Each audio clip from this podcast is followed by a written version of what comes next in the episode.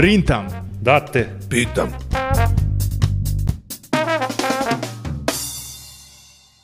Evo nas dakle, e, nešto novo na podcast sceni u Srbiji.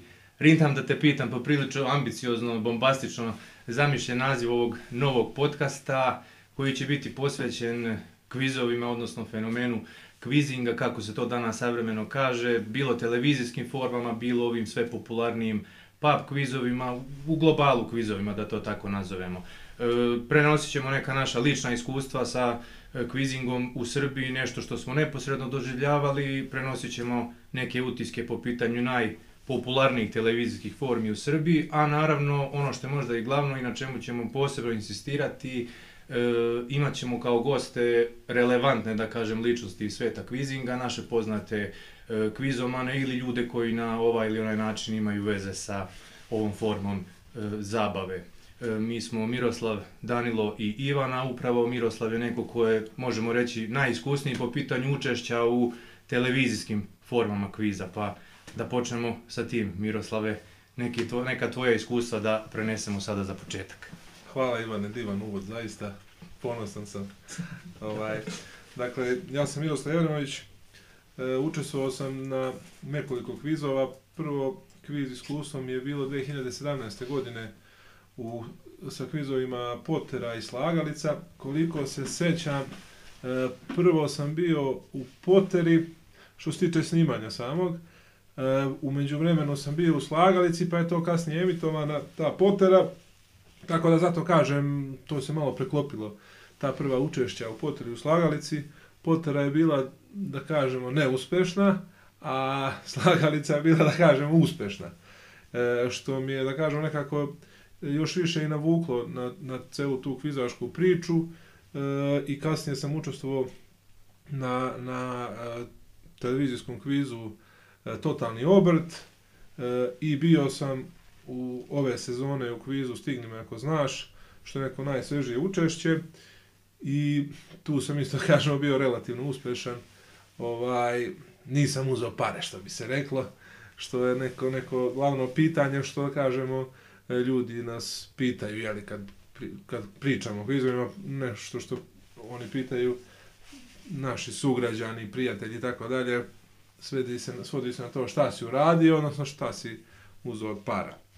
Tako da eto, to je nešto što se tiče tog mog predstavljanja i drago mi je što smo počeli s ovim podcastom e, i nadam se da će publici e, biti zanimljivo. Što naša iskustva, što priče e, naših sagovornika. Moramo već sada najaviti, odnosno možemo najaviti, ako sve bude po planu, u već narednom izdanju našeg podcasta, prvi naš gost bit će, pa svakako najpoznatiji kvizoman iz ovog ovde dela Srbije, to je Bojan Savić. Upravo Bojan Savić je jednom prilikom istakao našeg kolegu ovde Danila kao e, osobu koja u tim godinama, kada je, kada je Bojan u njegovim godinama bio, imao je dosta manje znanja nego što Danilo sada trenutno posjeduje. Danilo je trenutno ovde na lokalnoj pub kvizaškoj sceni poprilično, da kažemo, suvereni vladar, ali još uvek čekamo njegovo debi na televizijskim ekranima, odnosno u TV formama kviza. Danilo, da li će se to dogoditi u nekoj skorijoj budućnosti? Iskreno kažem, ja bih voleo trenutno zbog manjka vremena nemam, nemam trenutno mogućnosti za tako nešto. E, i dalje i dalje ovaj imam tu neku bojazan o, pred zbog kamera televizijskog nastupa cele te scene scenografije uopšte ali pokušat ću, pokušat ću to na... Ovako se privikavaš. Pokušat ću da... Ovo je sjajna scenografija. Poku, da, pokušat ću na osnovu tih nekih vaših iskustava da, da ovaj, uh, nešto primenim od, od, od toga i da, da ovaj, da, da kažem, pređem preko tog, tog nekog e, praga, te ne, tog nekog limita, da se pojavim u nekom izdanju, TV izdanju kviza. Inače, e, ljubav, da kažem, prema kvizovima je počela, ajde kažemo, da, da krenemo od početka, ali tako. Počela je negde davno, ono, bili smo, bili smo klinci, to mi je pokojni otac e, na jednom od, od, od sajmova knjiga e, doneo knjigu Ko zna više. I tad je bila, e, taj, taj kviz se pojavio negde 90-ih, prva polovina 90-ih godina i bio je aktualan, to je bio TV kviz. Špica za kviz. Špica za kviz. Da, da, Rambo Amadeus radi. Ra Rambo Amadeus sa tim džinglom o, u kvizu što ga je smislila Byford Miller, jel tako? I Da bi se Timothy na- John, Jest. bračni par. Jest. Da bi se nakon toga u, u, kod nas u osnovnoj školi e, inicijator nečeg sličnog je bila e, žena koja je u tom momentu bila psiholog u osnovnoj školi u Čajtini i napravila je E, neki sličan koncept. E, ja sam mislim tada bio treći razred, gde smo bili e, generacijski, da kažem, ekipe su formirane tako da je bio treći, četvrti i peti razred, ako se ne varam, po jedno u, u, u ekipi. I to je bio prvi neki moj javni nastup u, u hali u Čajetini, gdje su bile pune tribine, gdje je bilo čak i navijanje, nagrade su bile simbolične, nije to bilo, to su bile neke čokolade, sećam se, ali je bilo, bio je neki, da, bio je to, bio je to tu popriličan onako rivalitet e, se napravio sad. e, Pitanja su bila koncipirana tako da su nama e, prilagođena za, za, za tu uzrast, aj kažem, tu starostnu dob. Ovaj, da, da prosto e, negde isprati ono neko školsko gradivo, a i ono što smo sa strane jel tako, pokupili, čuli i, i tako dalje. Tako da je, to su neki početci, taj to, e, e, e, sa 90, to je bila 90, recimo, čet, treća, četvrta godina kad se to desilo.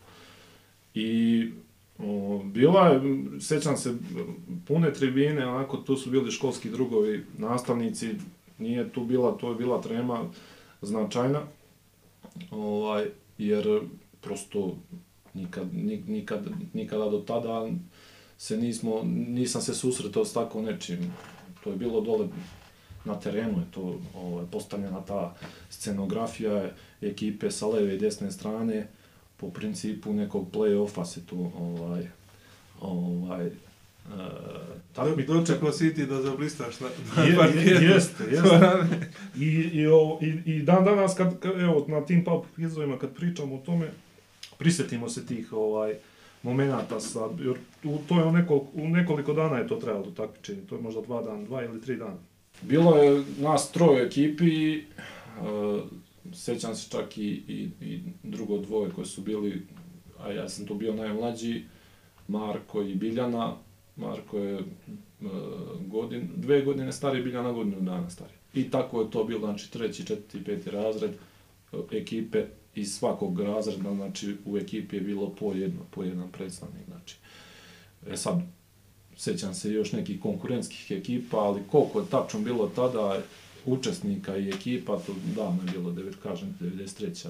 četvrta godina. Ja moram da dodam, e, zaboravio sam na to, to je isto, isto zapravo i meni bio isto prvi kvizaško iskustvo i nastup, e, samo što je se tada takmičenje održavalo e, u biblioteci Ljubiša Rođenić i bilo je takmičenje na nivou, sad nije bio miks taj između razreda, nego smo mi no, u, prvo kao odeljenje dobili na Zlatiboru, pa smo e, ovdje je bilo takmičenje na nivou opštine, znači bilo još možda, ja mislim, Sirogojno i Čajetina. I seć, znači mi smo tad bili osmi razred, 2003. godina.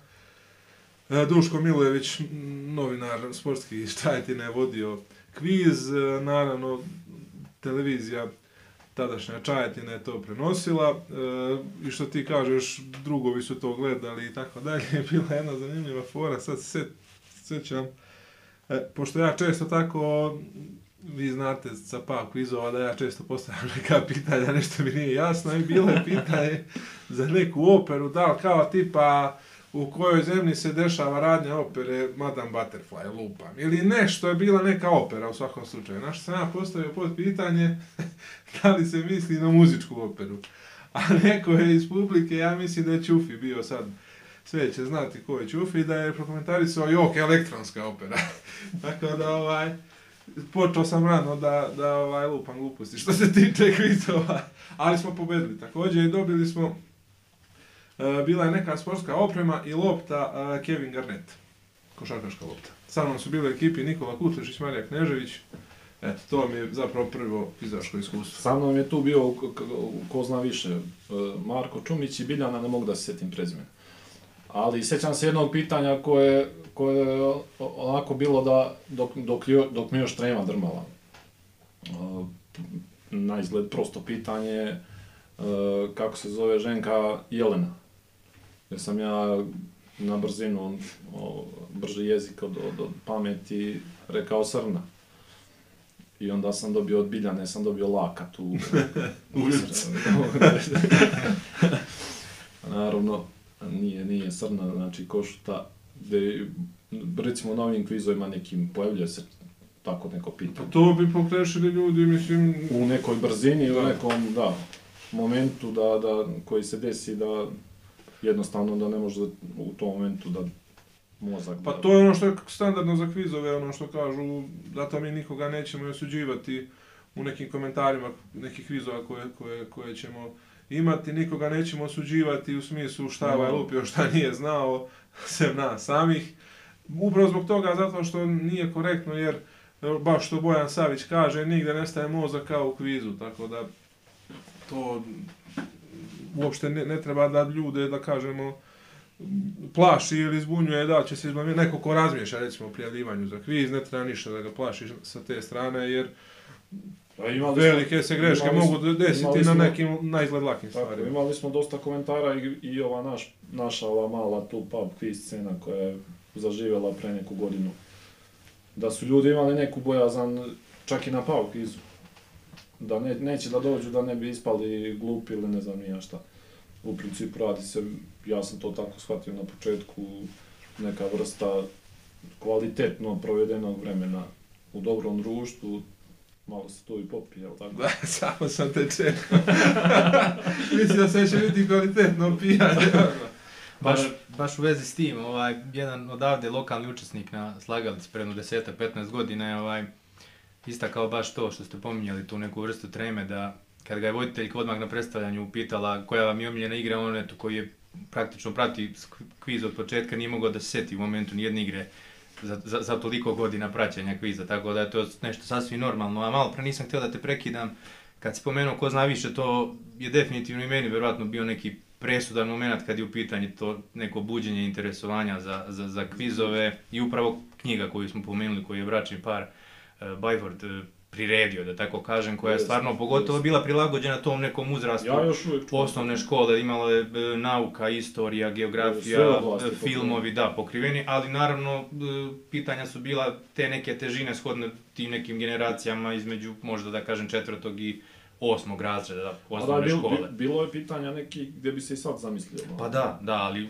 uz knjigu je nekako to manje više knjiga, eto i dalje je kući pohabana, onako raspadnuta skroz, dakle, Jest. verovatno od prelistavanja i učenja. Za razliku od vas dvojice, moj debi nije bio u nekoj lokalnoj uh, kviz varijanti, već upravo na televiziji, na, na, na Poteri pre par godina i to je onako moglo da se podvede kao prosječno učešće nekog srpskog glumca u hollywoodskom filmu, dakle, protrčavanje kroz kadar. protrčavanje kroz kadar i terorista, tad sam bio ćelao sa bradom, tako. Ovaj, sre, e, sreća koja mi je bila naklonjena u prvoj rundi, definitivno mi je u drugoj okrenula ovaj, leđa i bilo je to onako baš ceđenje suve drenovine, što bi se reklo. Tako da sam tada ono definitivno shvatio da je to poprilično težak format za mene i da je moj neki krug interesovanja ovaj, prilično uzak, da, da ne možeš baš da se osloniš suviše na sreću kada, kada ideš na, na tu varijantu kviza. To je ono što kažu, ne postoje teška i laka pitanja, postoje pitanja samo koja znaš i koja ne znaš. Da, ne. Odgovore na pitanja znaš ili ne znaš. Otprilike. Pomenuli smo Poteru, pomenuli smo slagalicu, to će verovatno biti neki, neki fokus, da kažemo, kada govorimo o televizijskim kvizovima ovdje kod nas. Naravno, trudit ćemo se i sve ostale da obuhvatimo. E sada, nedavno jedan kviz pokrenut na, mislim, na Kurir televiziji, sad Daniela Pantić ga vodi. Iskreno budem, nisam ga do sada pratio, ali Ja sam svakako u sam, budućnosti da.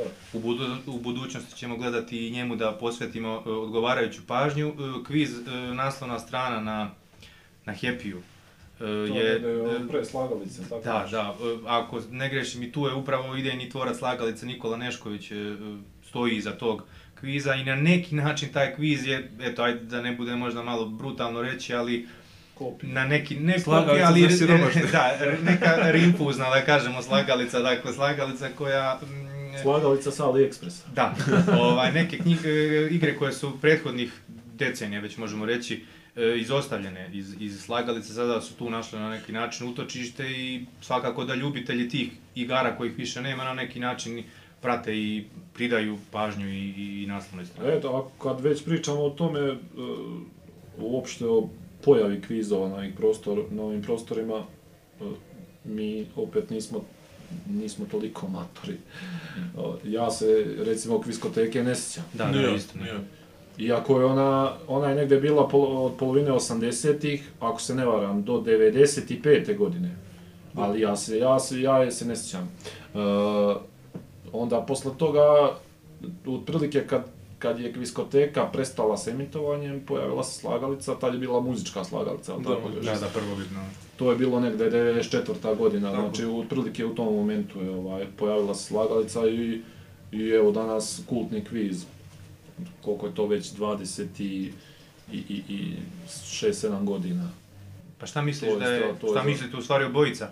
Šta je neka tajna te dugovečnosti slagalice, veliki broj, eto bili smo svedoci baš p- pretprošle, evo već decenije, ajde da kažemo, i visoki napon i uh, najslabija karika i sad ne mogu, ruski rulet beše, sad, što je IFA.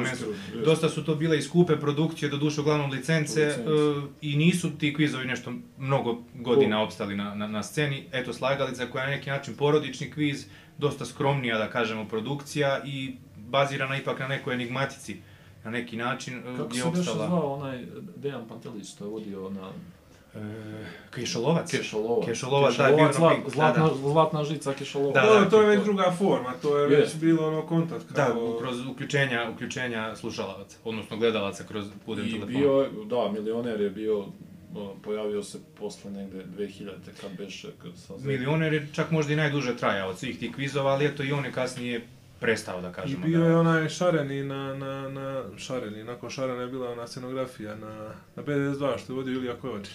Jeste. Pitanje za šampiona. Pitanje za šampiona, da, da. I da, isto na B9 dvojci kviz e, Tu- Put oko sveta, ili kako Jeste, beše o... Put oko sveta. Da, da. tapačni bu na Jeste, žila, da, da, da, ona je biser. Pi- To- Ta to- pitanja za šampiona, to mi je ostalo negde u pamćenju, onaj taster što su imali. Da, da. Su, jeste, su ga, da, da.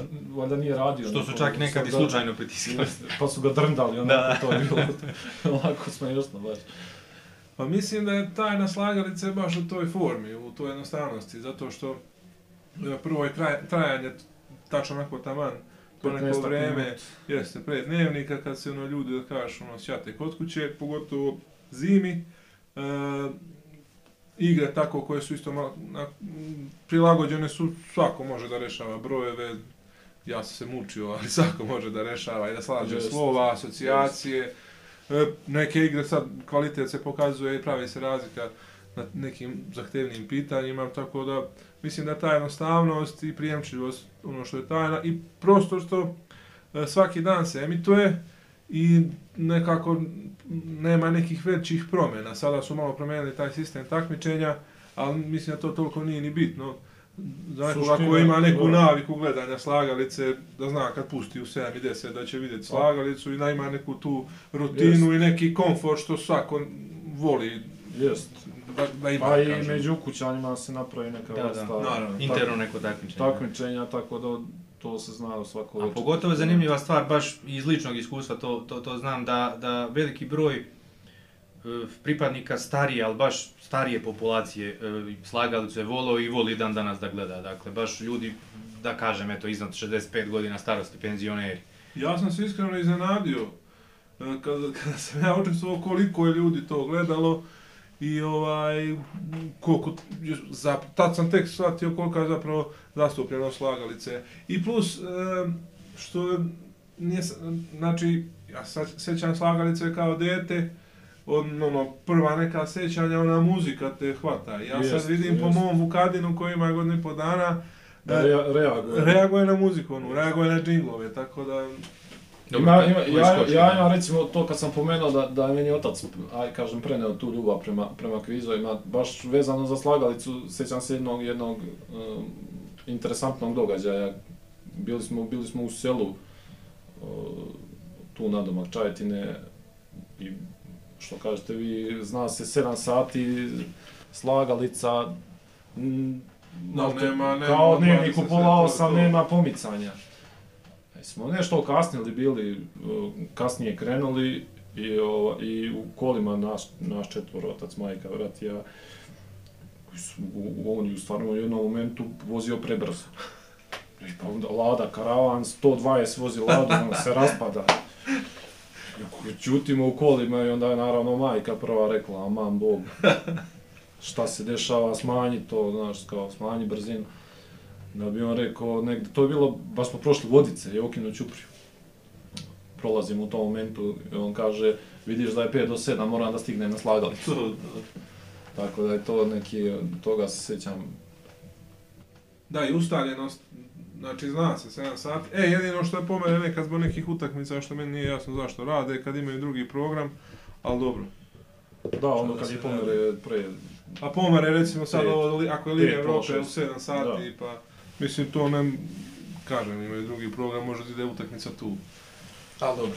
A Da pomenem opet, e, da se vratimo na Potteru. To su, osim Milinkovića, Milica i Žarko, prekaljeni kvizaši, jel tako? Da. Nego nekako to znanje, e, e, kako bih to, mo- recimo Milica i Žarko, imam utisak da su malo onako hiljade i hiljade pitanja koje su prošli što u kviz Misliš da je on došao spontanije nekako do tog obima? Jest, jest, jeste, baš tako.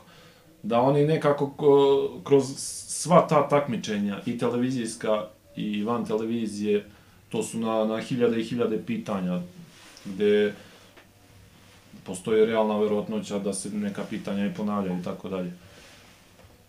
I da nekako to njihovo znanje, ne mogu da kažem veštačko, ali Više da je kampanjsko neko znanje. od prilike, od prilike tako.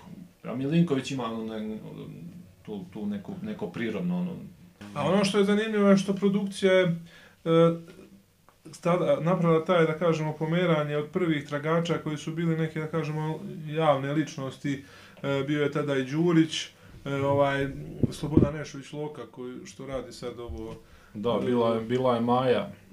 ona je žena arhitekta. Jest, E, jest. I oni su sad napravili to pomeranje prema ljudima koji su napravili te rezultate na kvizaškoj sceni, prema Milici, prema Žarku, što je svakako opet zanimljivo i e, kad znam kroz ta, ovo što ste rekao, kroz kakav, da kažemo, Drill. trening, bukvalno drill, prođu Drill. ljudi koji koji ostvaruju dobre rezultate na tim kvizaškim takmičenjima.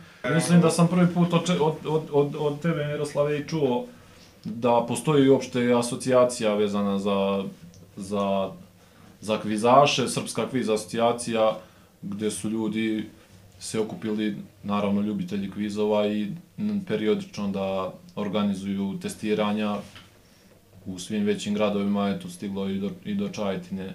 Pa, pre da, i u manjim i u većim, zavisi od interesovanja. Uglavnom, vidim tamo po rang listama Beograd, Novi Sad, Kragujevac, Da. Niš. Pogotovo Novi Sad. Novi Sad je baš, pošto sam imao prilike da učestvujem u, u, Šemrok baru, u jednom od po, pojačih kvizova u, u Srbiji, u Novom Sadu svakako. To Uh, Lim- Limen je, da, onako posebnu draž daje celom kvizu, on kao disc jockey i kao, i kao voditelj samog kviza. E, Do duše veče kada smo mi učestvovali bilo humanitarnog karaktera i okupilo je zaista više od 20 ekipa, a naravno nagrade se nisu, nisu dodeljivale, sad prihod išao u humanitarne svrhe, pa nije bilo stoga ni ograničen broj e, broj učesnika, odnosno broj članova jedne ekipe, baš ogroman broj ljudi je se okupljao i e, mislim da se ekipa zove Stari znalci ili Stari, sad mislim da se tako zove ekipa koja je e, suvereni vladar u Novom Sadu na tom kvizu i koja okuplja nekoliko e, poznatih kvizaša, sad ja stvarno ne znam koga, s obzirom da nisam imao priliku da se neposredno s momcima upoznam i to veče su oni bili zaista najuspešnija najuspješnija ekipa, evo primjer koliko je taj kviz jak ću dati, e, naša ekipa, odnosno ekipa u kojoj sam ja učestvovao tada je bila na e, devetom mestu sa, sa 61 tačnim, e, Od koliko? 61 poenom od stotinu. Dakle, mi smo imali, da kažem, procenat uspešnosti 60 i iznad Da. i bili smo tek deveti, odnosno mislim na deobi devetog, desetog mesta, tako nešto. Koliko je ukupno bilo ekipa? Bi kažem ti više od 20, ali to večer, Pa, dakle mogu sud, tada je sigurno u interesu bilo i da više ekipa još dođe zbog, zbog humanitarnog karaktera tog, tog izdanja kviza i, i kažem nije bilo ograničenja, u ekipi je moglo da bude, naravno ako je fizički moguće smestiti toliki broj ljudi u sam e, pub i, i po 10 članova. Nas, nas je bilo, ja mislim- 7, a mislim da više od 4, 4 člana nije inače dozvoljeno. Novi Sad generalno je u Srbiji svakako neka, da kažemo, kvizaška prestonica, a pogotovo kad je taj e, sistem takmičenja, odnosno taj format, e, taj pub kvizovi. Evo sad, Da, kad, treba- pomenuo, spomenuo si, pomenuo si tu pa, pa quiz scenu u Užicu, Bojan je to nešto pokušao jedno vreme u, u tunelu, u tunelu da organizuje. U kafu Tu je- piću tu. Da, ka, da. Nije na Zlatiborskom putu. Dobro, Dobro, Na kraju smo izašli iz tunela. Nismo se više vraćali u tunel. Posle toga je zaživeo taj pub quiz Enigma, čini mi se, se zove Da, da. kafić. Gdje smo bili redovni učesnici, ajde kažem, iz Čajetine, grupa, ekipa pod nazivom Čajetinci. Mislim da smo čak imali tu i najviše pobjeda prvih mjesta osvojenih. Malo drugačiji koncept nego, nego, nego njegov organizacijski e, dosta ozbiljniji, gdje je recimo koncept kviza bio takav da je, pa znate i sami bili smo jedna ekipa. To je meni jedini put smo- da sam bio. to. I isto, Da. isto također. Bili Tad sam smo- nas da, smo- debitovali. Pa smo pobedili. I jesmo pobedili. Pa ja, što je postoji, to? postoji više, da kažemo, tih nekih franšiza e, pub kvizova, što po Beogradu, što po nekim ostalim gradovima, koje su ljudi napravili kao ozbiljan posao, što mislim, zašto ne reći, Naravno. i sad zavisi i od njihove spremnosti da ulažu i u te nagrade i u ostalo neko, da kažem, uslovno rečeno infrastrukturu samog kviza, onda onda malo se i bolje i više animira publika. Tako da i možemo za neki od sljedećih podcasta ostaviti posebno kao temu e, pub kvizove e, i, i, i tu oblast kvizinga što, i što se tiče naših nekih iskustava i sigurno ćemo i sa sagovornicima pričati i o njihovim iskustvima i o, možda ćemo ugostiti nekoga ko se bavi bukvalno organizacijom tih kvizova. Ali zašto da ne, ima čak i ljudi u Srbiji koji kojima je to stvarno na neki način i profesija, koji, koji ozbiljno, ozbiljan novac zaista zarađuju od, od, od, od kvizinga.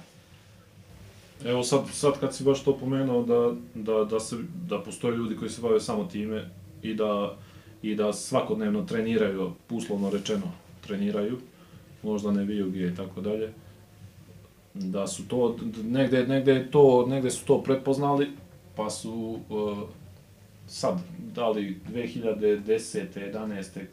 ne, kasnije je to bilo, 15. 16. kad je kad su izašle počeli su da da izlaze knjige koje se bave samo time. Znači samo pitanja, kvizaška pitanja gdje je recimo meni bila interesant, najinteresantnija konkretno uh, u tom momentu kvizopedija. To je u tri toma, odnosno kvizopedija 1, 2 i 3, AC Brajkovića.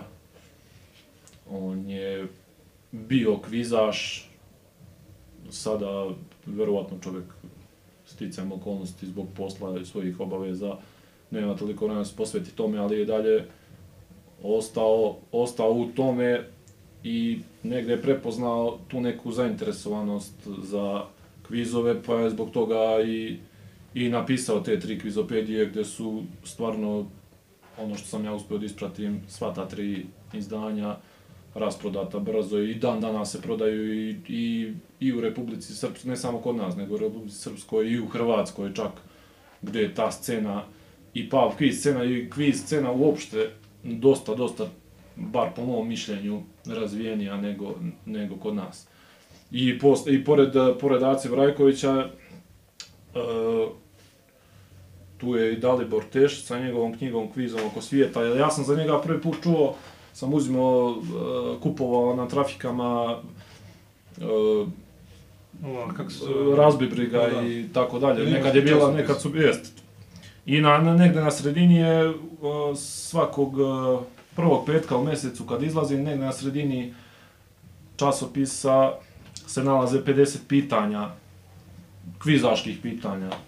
Odgovori su na kraju, na kraju o, časopisa o, dati, ali naravno to je negde neki, neki test da, da se vidi. I mogu reći da su Dosta poprilično, teže. poprilično teška pitanja. Baš kad si pomenuo Dalibora Tešića, Dalibor je bio jedan od članova te ekipe u Potirju u kojoj sam ja bio, bio je gospodin Miroljub iz Kruševca, sad ne mogu stvarno da se setim njegovog prezimena i bila jedna devojka, mislim da se zvala Kristina, koja je došla do samog praktično kraja, jedan korak je samo falio da, da, da pobegne e, tragaču, nije u tome uspela, dok su Miroljubi i Dalibor uspeli da, da osvoje novac tada i da u, u trećoj rundi... Čekaj da nije Miroljub Petrović. Mislim da nije. Mislim da nije. Ovaj, gospodin iz Kruševca svakako da poznat je kvizoman u Srbiji, sad stvarno ne mogu da se setim prezimena, a kad si pomenuo to za, za e, to da je Hrvatska jača kvizaška scena od nas, e, e, baš upravo to sam htio da vas pitam, ja nemam nekih iskustava, nisam nešto pratio potjeru, ali generalno to sam mišljenje čuo i od e, nekolicine učesnika u mojoj ekipi tada u Potteru, odnosno ekipi u kojoj sam učestvovao, da je generalno potjera e, po težini pitanja i po možda da kažemo težini, odnosno visini znanja e, e, tragača e, ispred naše. Da li, da li se vi slažete s tim? Nisam protiv.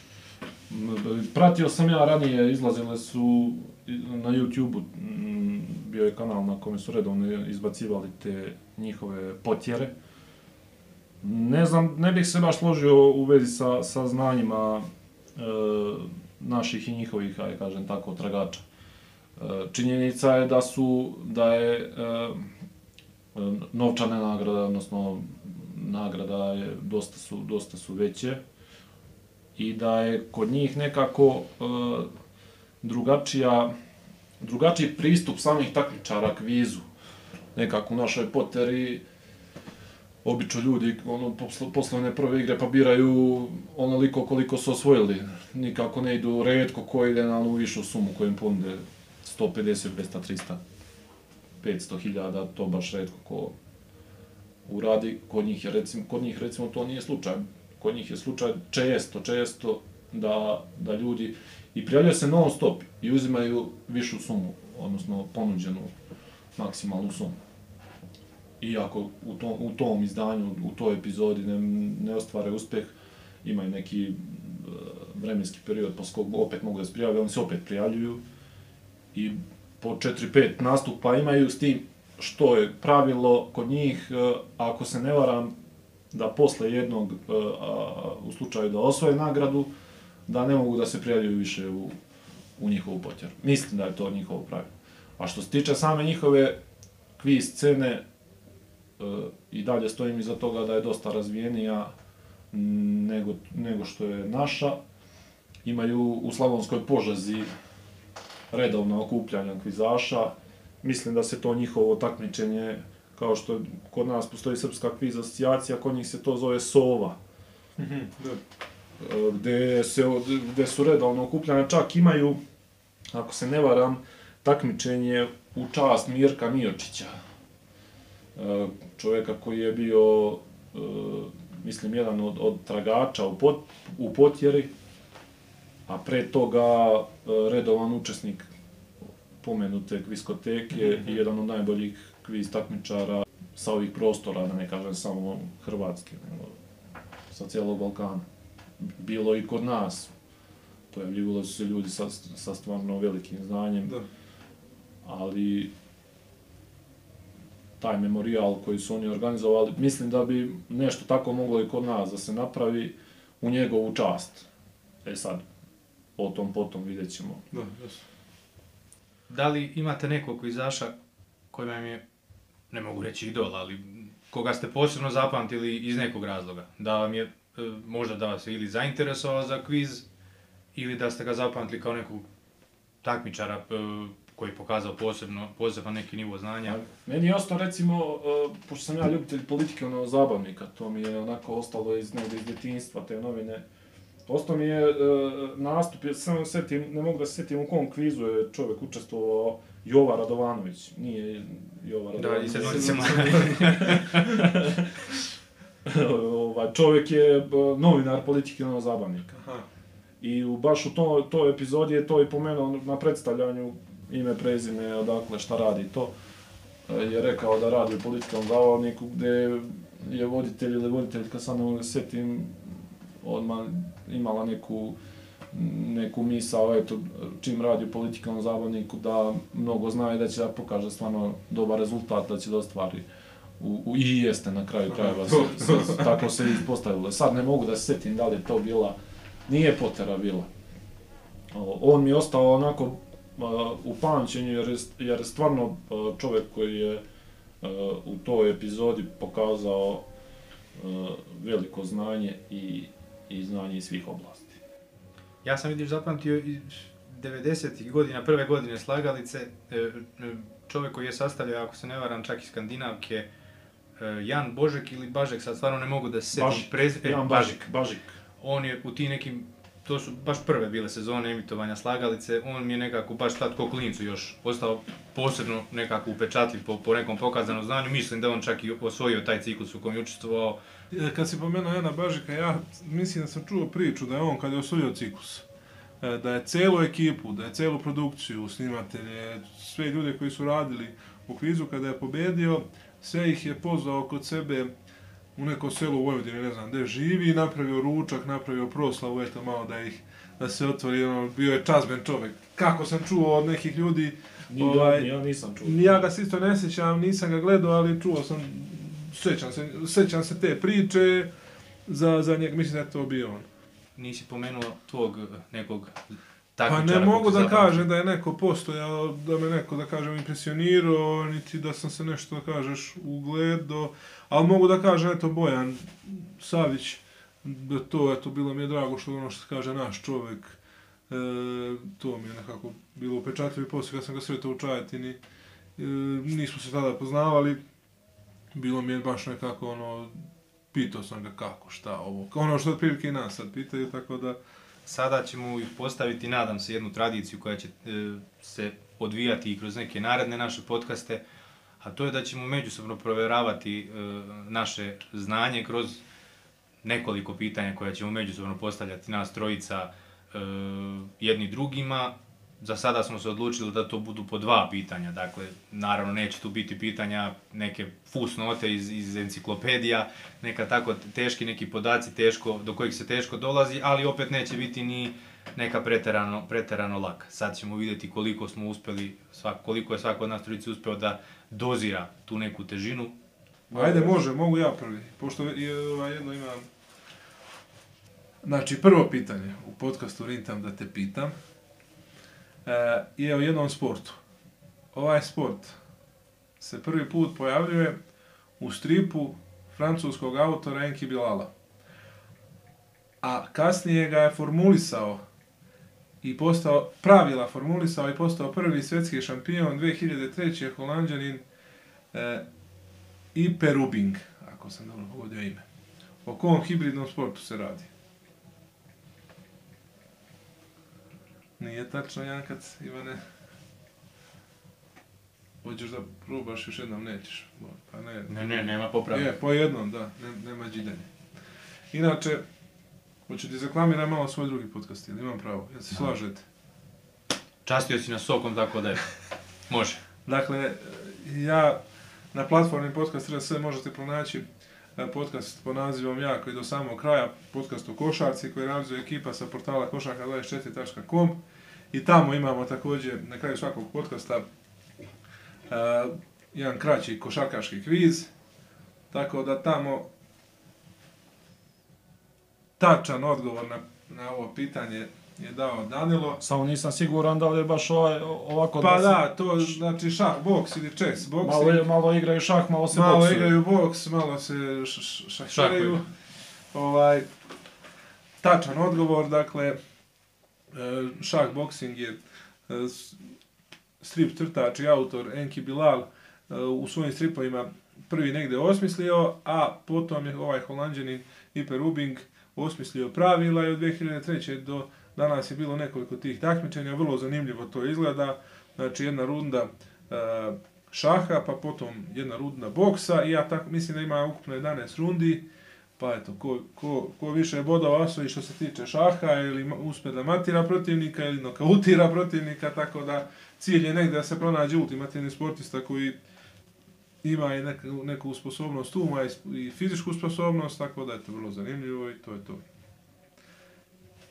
Hoće, a može sad neko sljedeći? Hoće Može, ti? može. Ja Ja sam u naks. Ovako se može. Mislim da će vam mo- ova moja pitanja biti poprilično, poprilično uh, lagana.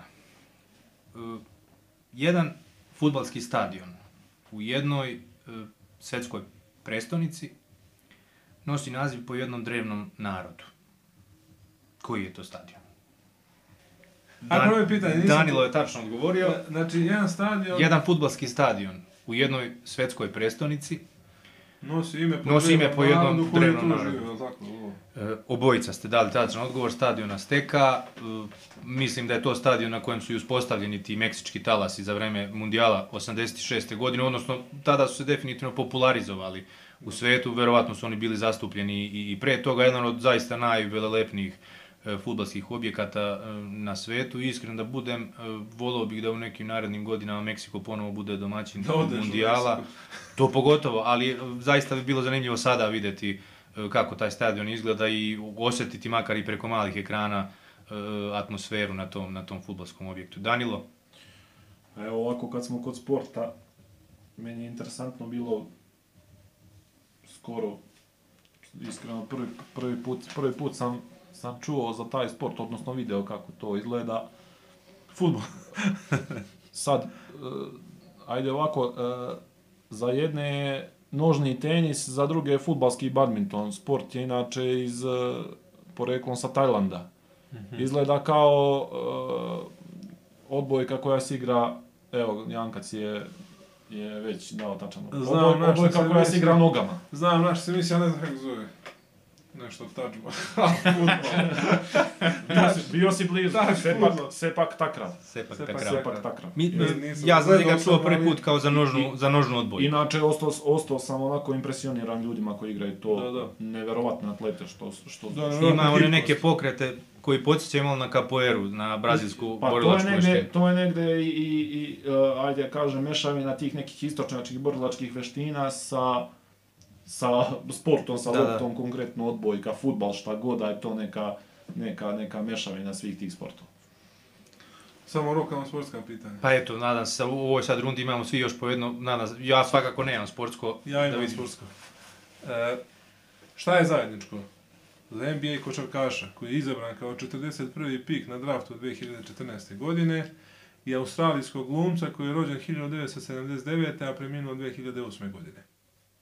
Mm, tačno, Danilo. Iskreno ne znam, ne znam, ne, ne, ne, baš ni- nemam predstavu. E, u pitanju je Joker. Znači, Joker Nikola Jokić, Da, 41. pik Denvera i Heath Ledger, australijski glumac koji je igrao Tako ulogu Jokera u, u filmu Batman. Možda sigurno najbolji Joker. Možda najbolji lik u ajde, Batmanu. ajde pošto, pošto ja već imam tu pri ruci Daliborovu knjigu Kvizom oko svijeta, neću, neću, reći ćete mi, ovako knjiga ima 2000 i... Samo sekund. 2550 pitanja. Znači, vas dvojica možete da birate Broj. broj od 1 do 2550. Četiri. Da ne ispadne da je namješteno nešto. Četiri. Ajde, dobro, četiri. Sad ćemo da vidimo pitanje broj 4. Kaže, naseljavaju guste afričke šume, a karakteriše ih upečatljivo crvenkasto smeđa dlaka i belo-žute pruge. Kako se zove ta jedna od najvećih afričkih antilopa? Iskreno ti kažem, ovo, ovo, ja, ja ovo ne znam. Okapi. Možeš da pričaš da hoćeš. Što... Miroslav, imaš li ti, imaš li ti nešto, ne, ne, nešto, Nisam pisao lupio. Nešto drugo da Nisam kažem. siguran da je okapi antilopa, iskreno. E, pa ne znam. Ja, ja iskreno nisam čuo za ovu vrstu antilopa. Bongo antilopa. Bombo. Evo sad ti reci. Ah, dobra, stara Sad bomba. ti, sad, sad ti reci jedno od, uh, jedan od dve... Pa dobro, jedno si isto, ne treba nam drugo. Ja imam još jedno, da se ja imam još jedno, nije ni u antilopama, ni u sportu. Pa ići ćemo po dva, to je. Ali ajde malo da vas testiram kad je u pitanju, kad je u pitanju grčka mitologija. Daj ovo neko lakše. A, mislim da će ovo biti lagano ako ste čitali Odiseju i gledali film. Dobro. E, kako se zove, prema Homerovom epu, kako se zove e, nimfa koja je mitskom junaku Odiseju e, branila, odnosno zabranjivala da ode sa njenog ostrva? Danilo je tačno odgovorio. Mislim da imaš danas 100% učinak kad pitanje u pitanju. Mislim Čekaj, da si svih šest odgovorio. Čekaj, čekaj. Uh, Odnosno četiri, ti si imao četiri, dva si postavio. O, stani, kako Četiri, su da, se, koja bi nimfa, čekaj. Nimfa, Ne znam kako da, da, lupiš, da ti ne pomognem, jer, jer. Jel ova? Priznaću ti odgovor, ali nije, A, nisi Kalipso. tačno napisao. Kalipso, Kalipso, da, Kalipso. Tačno, pogodili ste obojice. Kalipso, da. Šta je? E, pogotovo ako ste, ne znam, ako ste gledali film, onaj TV film Odiseja iz dva dela, u Armana Sante, mislim da je glumio e, Odiseja. E, mislim da je Vanessa Williams, e, čuvena američka misica, e, glumila, glumila Calypso u tom, u tom filmu i ja sam iskreno da kažem zapamtio po tome, a, a ako se dobro sjećam, pošto je bila zaljubljena u Odiseja, nudila mu je besmrtnost i pod pritiskom bogova, da li Apolona, ja ne mogu da setim, mislim da je Apolon u pitanju, morala je na kraju da ga pusti, da, da, da ode sa njenog ostrva i da krene nazad ka, ka, ka svojoj Penelopi. Danilo, da nemaš ti još pitanja?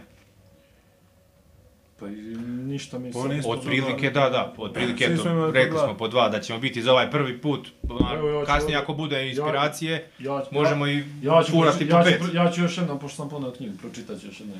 Ne, Može. Ne pada mi ništa. Ajde. Može. Ajde, vas dvojica, recite po jedan broj, pa ćemo sastaviti. Ajde sad Miroslav, ja sam rekao malo. 55. 55, sad ćemo da vidimo, 55.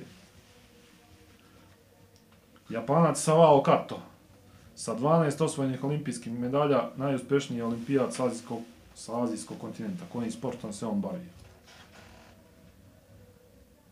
Japanac. Savao Kato. Koliko medalja? Kako si, 12? kako si ti pogodio baš sportsko pitanje, nevjerovatno. Savao Kato, 12 medalja, sad ću ti reći. Ja sam omašio, dakle, ja sam dao svoj odgovor i, i nisam pogodio. 12 osvojenih olimpijskih medalja. 12 medalja.